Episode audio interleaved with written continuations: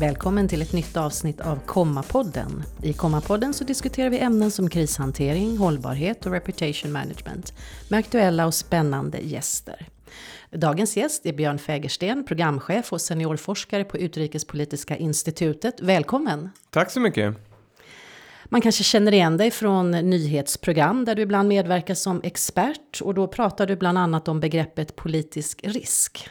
Ja, det är ett av mina områden. Favorituttryck eller favoritområden? Det blir ju helt klart mer relevant så jag pratar allt oftare om det. Vad innebär begreppet politisk risk? Politisk risk är eh, den risken som framförallt näringslivet möter eh, på grund av politiskt motiverade handlingar eller politiskt dysfunktionella system. Och kan du beskriva det lite, lite mer? Lite bredare? Ja, ja eh, det kan ju vara då eh, i begreppet politisk risk så brukar man tänka på frågor som krig och fred, terrorism, korruption. Det kan vara väldigt generellt, det vill säga att det, det är någonting som drabbar alla aktörer som kanske en hög korruptionsrisk i, i en, på en hel kontinent. Det kan vara branschmässigt som att, att vissa branscher, det kan handla om eh, eh, oljebolag som möter nya normer i samhället eller cirkusar som, som möter nya samhällsnormer där det inte längre är accepterat att ha djur till exempel. Eh, Sen kan politisk risk också vara väldigt kopplat till ett specifikt företag beroende på vad man har för, för rykte eller aktivitet och så vidare. Eh, och man kan väl säga att eh, i början, eller i början när man just, framförallt när man har pratat om politisk risk så handlade det väldigt mycket om eh, efter, eller under kolonisationen att man, eh, och framförallt när vi fick en mängd nya stater, självständiga stater, eh, som då tog beslag, och ofta med viss rätt, eh, på, på olika nationella industrier. Ehm, det var liksom den första stora vågen av politisk risk när internationella företag då förlorade anläggningar eller rättigheter i nyliga självständiga stater. Och då kan man säga så att det var den, det är den statliga suveräniteten som var risken för, för företag.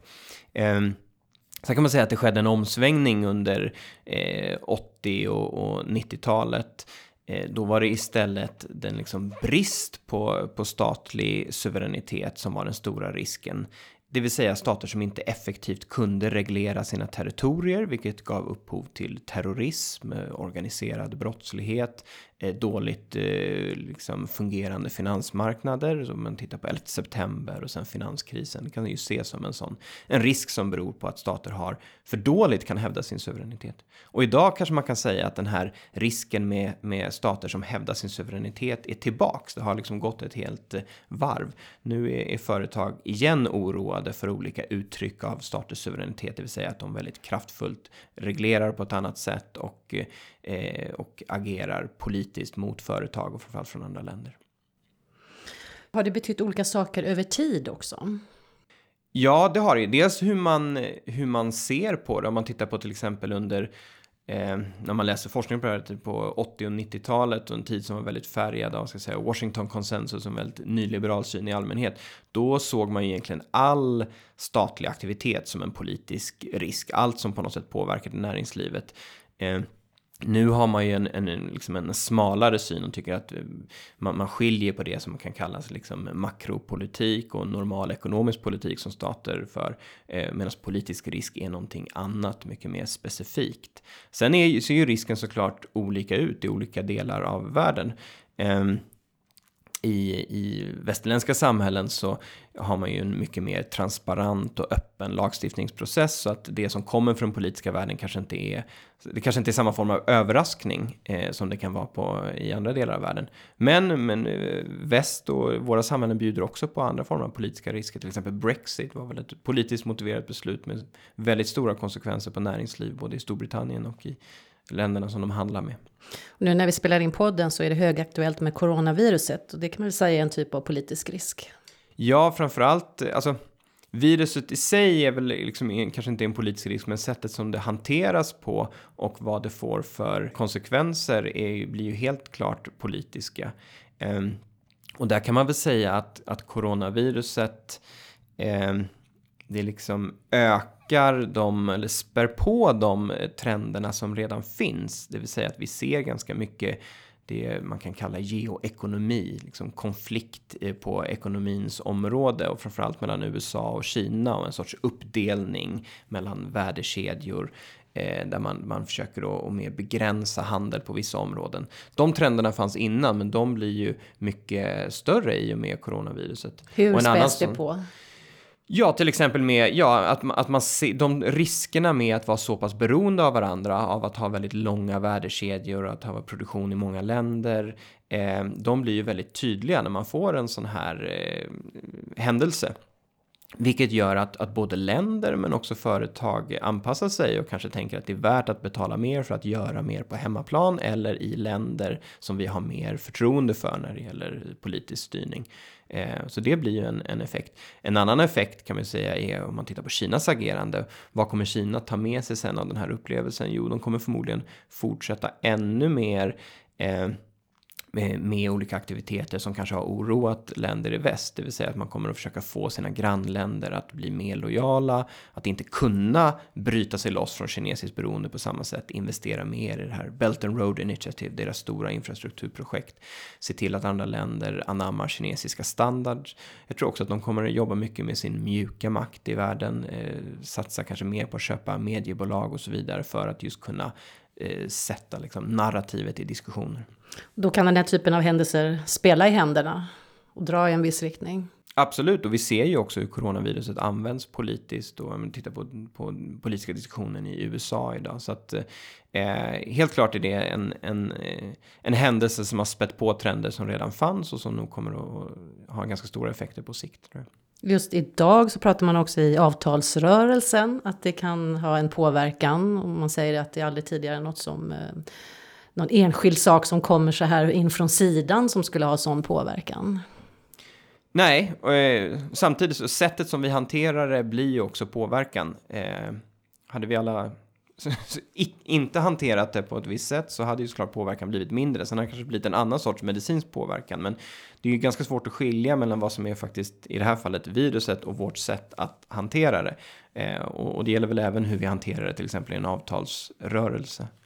Finns det andra områden då som är så här diffusa eller gråskala där det är svårt att skilja ut vad som är den politiska risken? Ja, det är klart att det går ihop i många andra risker. Jag skulle säga att det är tre stycken så huvudtrender idag som gör att den här risken från det liksom politiska beslut och från politiskt agerande är så, är så mycket eh, ska säga, allvarligare eh, eller kanske viktigare att tänka på idag. Eh, och dels är det ju att vi fortfarande har en sån eh, vad kan jag säga, radikal globalisering, framförallt av näringslivets villkor, det vill säga att vår verksamhet för många företag har då eh, lagts ut i länder som har kanske då ett mer eh, oförutsägbart politiskt system för att det är bättre marginaler, lågkostnadsländer och så vidare, men som inte har, har samma politiska tradition och som, som tenderar att överraska oss mer. Eh, företag idag har en helt annan global spridning. Jag läste en amerikansk konsult som just konstaterade att för moderna startups och it-bolag så kan de vara verksamma i 180 länder innan de har 180 anställda. Eh, och det var ganska otänkbart bara för, eh, för några år sedan. Det vill säga att vi ser en väldigt snabb eh, spridning. Så, så näringslivet är fortfarande inne i en fas av globalisering. Samtidigt har vi då trend nummer två som är att vi igen har en sorts stormaktsrivalitet mellan USA och Kina och den spelar till stor del ut på det ekonomiska och tekniska området, det vill säga man, man kämpar och bekämpar varandra inom ekonomins område med hjälp av högteknologi, med hjälp av patent, standards, handelsregler, exportkontroll, importkontroll eh, och så vidare. Och det är det man kan kalla geoekonomi, det vill säga att man, man har liksom geopolitiska motiv på det ekonomiska området. Eh, och det här blir en sorts eh, perfect storm för, för näringslivet Eh, det vill säga att man, man fortfarande fungerar enligt globaliseringens regler, är verksamma på väldigt många marknader, i väldigt många politiska system, samtidigt som vi har primärt två supermakter som är allt mer beredda att, att liksom använda det ekonomiska området som ett säkerhetspolitiskt slagträ. Till det kan man ytterligare lägga en, en tredje trend som är mer av en samhällstrend, det vill säga att allting går mycket snabbare idag. Vi har mycket mer spridning, fler personer har mobiltelefoner än elektricitet, vatten. Um, det betyder att politiska risker kan, kan, kan eh, transporteras mycket snabbare mellan kanske ett riskområde där man är utsatt för någonting eller där man som företag gör någonting som ses som politiskt tveksamt och sen kanske man har en, en riskpublik, någon som tycker att det här är högst problematiskt, som befinner sig på andra sidan jorden, men som sekunder senare reagerar på det här och börjar twittra om det, spela in filmer och så vidare. Det är också en helt annan miljö. Jag ska säga att de här trenderna då med stormaktskonflikt eller geoekonomi, globalisering och de snabba flöden av, av, data och information gör att det här är att företagen befinner sig i en helt ny verksamhet. Och det tror jag många företag idag känner på sig, för det blir så att när stater, eh, och inte bara då USA och Kina, utan det här är någonting som allt fler stater engagerar sig i, och även EU, liksom lägger sig i då marknadens villkor och förutsättningar, då blir ju också marknadsaktörer politiska på ett helt annat sätt. De måste förhålla sig till det. Man måste kanske välja sida. Vilka länder ska vi exportera till? Hur ska vi stötta vårt land? Nu pratar vi igen om totalförsvar och eh, företag som är viktiga för i Sveriges fall då för vårt försvar. Det här är ju ett tänk som jag tror har varit helt frånvarande under lång tid inom näringslivet. Ja, du har sagt att företag blir allt mer systemviktiga aktörer. Ja, i, i de flesta samhällen idag så ligger ju mycket av det vi skulle kalla då systemkritisk verksamhet, oavsett om det handlar om eh, vägar och räls och elledningar och så vidare, ligger ju i, inom det privata näringslivets händer. Eh, och det här är ju just sånt som man idag, stater ofta vill kontrollera.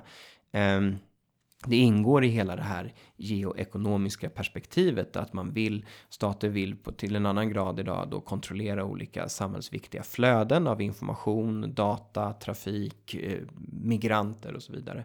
Eh, så idén att man liksom ska ta här kan man ju se en koppling då mellan det USA och Kina gör och kanske Brexit, nämligen idén att take back control. Det förväntas att stater på ett helt annat sätt kontrollerar såna här kritiska verksamheten och flöden. Och då blir just företag som kanske sitter på det och som tidigare har sett sin position som ganska opolitisk eh, helt plötsligt då centrala för ett lands politik. Och det tror jag är kännbart på ett helt annat sätt för företag idag. Och vi kan ta Ericsson som ett bra exempel och 5G-teknologi som helt plötsligt då lyfts fram som det framtida samhällets nervsystem. Så ingen stat kan vara liksom, ha en opolitisk syn på det här.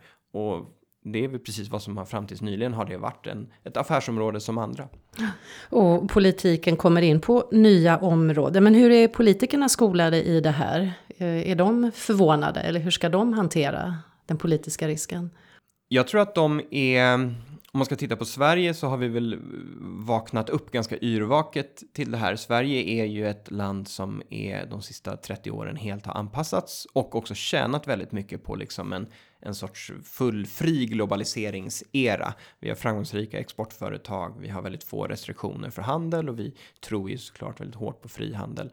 Och eh, genom det här har vi också byggt genom stora företag som är globala så bygger vi nästan hela Sveriges anseende på det också. Absolut, och också en ganska stor sårbarhet får man säga.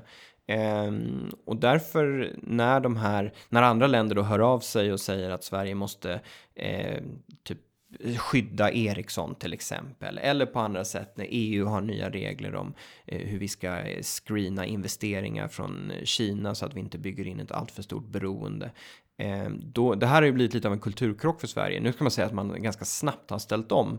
Eh, men, men det är någonting, ett radikalt annorlunda tänk också för politiker. Liksom, vilka, vilka näringar ska skyddas mot vad? Hur ska det statliga ägandet, eh, staten äger ju också andelar eller hela företag. Hur ska det användas för att säkra intressen? Och inte bara när det gäller miljö och jämställdhet där vi kanske tidigare mer har lagt politik i vårt ägande utan också den här formen av geoekonomiska frågor. Om företag vill minska eh, riskaptiten, hur ser du då att de borde arbeta mer med politiska riskstrategier? Det beror ju helt klart på alltså, vilken exponering man, man har och vilket, vilket sorts företag man är. Men jag tror att jag i, i själva frågan ligger här någonting, nämligen just strategin. Jag tror att väldigt många företag kanske då har en, en affär, en, en strategi och sen i, i, i bästa fall så stöter man på olika former av politiska risker som man i alla fall hanterar. Men det är någonting som när man implementerar sin strategi så hanterar man politisk risk och jag tror att fler företag idag borde se politisk risk som någonting som faktiskt ska finnas med när man formulerar sin strategi, inte när man implementerar den. Det vill säga att det måste finnas ett tänk och man, det första steget då är väl att medvetandegöra vad, vad eh, vad har vi för risk? Vad har vi för riskaptit? Är vi ett företag som vill ta stora risker? Det finns såklart mycket att tjäna på att vara en aktör som bättre kan hantera olika former av politiska risker. Eh, så det är inte bara en, liksom en förlustaffär. Har du något det, sådant exempel? Ja, företag som då kanske aktivt jobbar Eh, på svåra marknader eh, i, i, länder där, där andra företag inte vågar eller vill vara, men de tycker att de kan det för att de har så goda relationer antingen med styrande eller i folket, att man har byggt eh, ett förtroende både på den marknaden man verkar eller, eller hemma. Eh, det vill säga att man vågar ta på sig en större risk. Ehm, och det finns såklart exempel på motsatsen då med företag som helt i blindo går in och visar sig ha en väldigt stor riskexponering utan att man kanske vet om det. Jag tror också det är viktigt att man inom ett företag ser att liksom den här riskkulturen delas av olika, av, av hela företaget och som kanske då är verksamt på många olika platser. Men det är väl en sak själva medvetandegöra. Så, så kan man ju på olika sätt försöka att informera sig om risker, analysera risker. Det är svårare med politisk risk. Det är inte på samma sätt. Det är svårare att sätta siffror på. I. Företag är väldigt duktiga på andra former av finansiella risker som är enkla att, att få in i ett kalkylblad. Politisk risk handlar mer om fingertoppskänsla. Och mindre om Excel. Mindre om Excel, precis. Eh, mer om att förstå faktiskt politiska aktörers motiv och intentioner. Och det är inte lika lätt att liksom räkna på. Det är inte alltid lika lätt att belöna inom en organisation, eh, framförallt inte om det upplevs som någonting som är ett hinder. Eh, så det är komplicerat men, men blir allt eh, viktigare och fler företag måste hantera det. Sen är det ju också en, en det är ju det är ett faktum att företag också blir allt mer politiska aktörer. Man kan tala om en sorts omvänd politisk risk, nämligen att allt fler stater blir oroade över att företag idag erbjuder tjänster eller hanterar personlig data, om vi tittar på Facebook och så vidare, eh, som tidigare har varit det som liksom statens kärnområde, att kunna ha kontroll över sin population, över sina gränser, över sina flöden. Eh, det är också en form av politisk risk. Hur hanterar vi det? Framförallt som en, som en liten stat som kanske har ganska lite att sätta emot sådana jätteföretag. Ja, hur hanterar man det? Ja, i, i Europas fall så, så görs ju mycket av det inom EU, eh, som är en av få aktörer som faktiskt kan eh, ha ett inflytande över, över stora företag på det här sättet. För, för andra länder så tror jag möjligheterna är ganska små tyvärr. Jag tänkte det om företag samarbetar, om det kan vara ett sätt att minska den politiska risken? Ja, det, det kan det väl, om, framförallt om man kan dela den då eh, med en hel, eh, till exempel en hel bransch. Och det finns väl exempel på det inom, ja men tänk, eh, nu är inte jag expert på det, men så här, diamantindustrin man har hört talas om. Man, man, man enas om nya standards för hur man ska hantera vad som skulle kunna kallas som politisk risk. Så det är ju ett, ett sätt att, eh, att gå framåt. Eh, men, men så tror jag varje företag måste också fundera på vad, vem är beroende av det vi erbjuder? Vad är de Eh, vad kan man tänka sig att de som är beroende av våra produkter, tjänster, vår verksamhet är beredda att göra för att säkra tillgång till det? Eh, och framförallt i ett läge där de igen då återvänder till den här stormaktsrivaliteten där USA och Kina använder allt mer vad man kallar extraterritoriella sanktioner, det vill säga att man har då sanktionsinstrument i andra länder, till exempel europeiska företag som vill handla med Iran. Eh, då, då blir det ju allt viktigare att, att fundera på vad, hur den tekniken jag eller tjänsten jag säljer, riskerar den att bli utsatt för sanktioner? Eh, har andra länder intresse av att antingen säkra tillgång till den eller att se till att ett tredje land inte kan köpa det jag säljer. Eh, det är en ganska snårig eh, verksamhet, framförallt när det gäller högteknologi idag, men det tror jag är otroligt viktigt att, att ha en aning om hur ens egna beroenden ser ut och hur andra är beroende av ens tjänster. Och sen slutligen vad, vad ett företag kan göra, det är just relationen till sin till sin egen stat i den, i den om, om man nu verkar på, om man har en tydlig hemmamarknad och har en koppling till en, en stat Ehm, det är någonting som jag tror kommer bli allt viktigare när man går in och gör investerar i andra delar av världen. Att, att antingen kunna visa att man har någon form av uppbackning ekonomiskt eller politiskt från en stat blir viktigare i flera områden. Ehm, när, du, när man eh, sjöfart till exempel, det kommer bli viktigare vilken flagg man seglar under för det betyder ändå någonting. Oavsett om du är en pirat eller en mottagande hamn så, så tror jag att den sortens symbolik blir allt viktigare inom det kommersiella fältet. Och det är också någonting som vi var som vi egentligen har vant oss av vid att tänka kring, den kopplingen mellan marknad och, och nationalstater, men det blir också tydligare idag. Ser du något mer hur den här utvecklingen kommer att fortsätta? Ja, ja, så, så länge stater inte har ett mer kostnadseffektivt område att bedriva sina, liksom, eh, den sorts rivalitet på. Och om man igen då med USA och Kina som båda har kärnvapen så tror jag inte att man kommer vilja återgå till mer ett klassisk geopolitik och, och ha krig med varandra. Så nej, jag tror att vi kommer få leva en ganska lång tid där väldigt mycket av statliga konflikter och rivalitet just utspelar sig på marknadens område. Eh, så att jag tror att det här är någonting som, som företag kommer få lära sig att leva med. Eh, att se mycket mer av politisk påverkan på marknader, på specifika företag, på produkter, eh, nya snabba regler kring vad som får exporteras till vilka länder, eh, hur vi ska tänka kring import, vilka saker vi inte ska sälja till, till andra länder och deras företag. Så det är nog en, en, ett nytt normalläge som nog kommer att hålla i sig ganska länge tror jag. Vi har en dimension som vi inte har berört när vi pratar om globalt, rymdindustrin, om vi blickar uppåt. Ja. Absolut. Eh, och det är ett område där, där just kopplingen till stater är, är väldigt tydligt, alltså de aktörer. Väldigt Samtidigt är det intressant att just rymdindustrin, om man tittar på eh, så ser man ju nu också privata initiativ på, på ett område som ju också varit helt dominerat av stater förut. Så det är ett område där stater och mäktiga företag idag konkurrerar. Ehm, och man kan säga att det, konkurrensen det sker ju dels i rymden där det inte direkt finns några nationsgränser. Men det visar också, rymdindustrin visar ju också att det faktiska territoriet blir väldigt viktigt, det vill säga vart ifrån det är fördelaktigt att skjuta upp eh, eh då, raketer och annat. Vart ifrån det är fördelaktigt att kontrollera satelliter och vi på norra halvklotet har i vissa delar en väldigt fördelaktig geografisk position för en sån här industri. Så att det är väl ett bra exempel på att ett samspel mellan olika former av politiska hänsyn och också då risker. Du har forskat brett om säkerhetspolitik och europeisk integration. Vad ledde in dig på just politisk risk? Jag skrev en avhandling om eh, spionage eh, och underrättelseverksamhet. Och det, för det låter mig, spännande. Ja, det är spännande. Det är ju någonstans staternas riskhanteringsinstrument för att hantera politisk risk. Eh, det vill säga med hjälp av, av spioner men också såklart av diplomater och, och andra sätt så har staterna alltid informerat sig om andra staters politiska motiv, eh, vad de kan tänkas göra och hur det skulle påverka en själv. Så på det sättet kan man säga att politisk risk för näringslivet är ju motsvarande. Nu måste företag eh, på olika sätt informera sig om politiska risker. Så för mig är det en ganska tydlig koppling mellan den verksamheten och och just fokus på politisk risk. Sen kan man säga att från ett näringslivsperspektiv så är det här väldigt outforskat. Jag menar hur stater förhåller sig till andra länder och säkerhetspolitik, det är ju liksom grunden i mitt område, och internationella relationer och statsvetenskap. Eh, men just hur företag förhåller sig till politiska risker är ganska outforskat och outvecklat, både i teori men också i praktik. Och man får ibland intrycket när man talar med företag av att den här formen av riskanalys sköts ganska eh, anekdotiskt och, och ibland inte alls. Och nu har vi bidragit lite och upplyst i alla fall och du har givit några tips om hur det. man kan uppmärksamma politisk risk.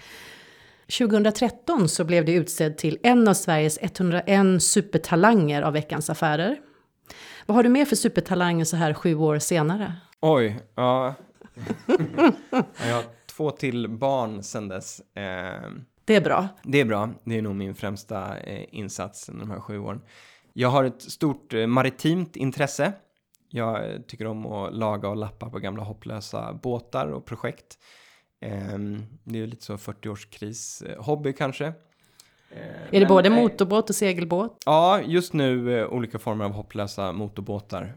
men, men absolut, all sorts maritim verksamhet tycker jag är roligt. Och här ska vi säga, finns ju också en väldigt det är också ett område som är, som, där det händer väldigt mycket när det gäller politisk risk. Jag tycker att det här är roligt av flera anledningar. Det, just det maritima området var ju kanske först med internationell politisk risk med pirater, eh, som störde näringslivets verksamhet men också med, med näringsliv som blev politiska risker i sig själv som brittiska Ostindiska kompaniet och deras eh, rutter i Indien och sättet de hanterade det. Och de är också väldigt noga med att bygga lokala politiska allianser, jobba med socialt ansvarstagande de var inte så framgångsrika med det alltid, men, de försökte i alla fall i, i viss mån. Eh, så det finns en tradition av, av politisk risk inom det maritima som också är intressant och vi ser idag hur andra stater köper upp hamnar och viss del oroar oss kanske för kinesiska uppköp av hamninfrastruktur i Europa. Så att eh, det maritima området ligger i, i framkant när det gäller politisk risk. Vilket hav eller vilken kust är din favoritplats? Eh, ostkusten, helt klart. Stockholms skärgård. Tack så mycket Björn Fägersten, programchef och seniorforskare på Utrikespolitiska institutet för att du kom till Komma-podden. Tack så mycket för att jag fick komma hit.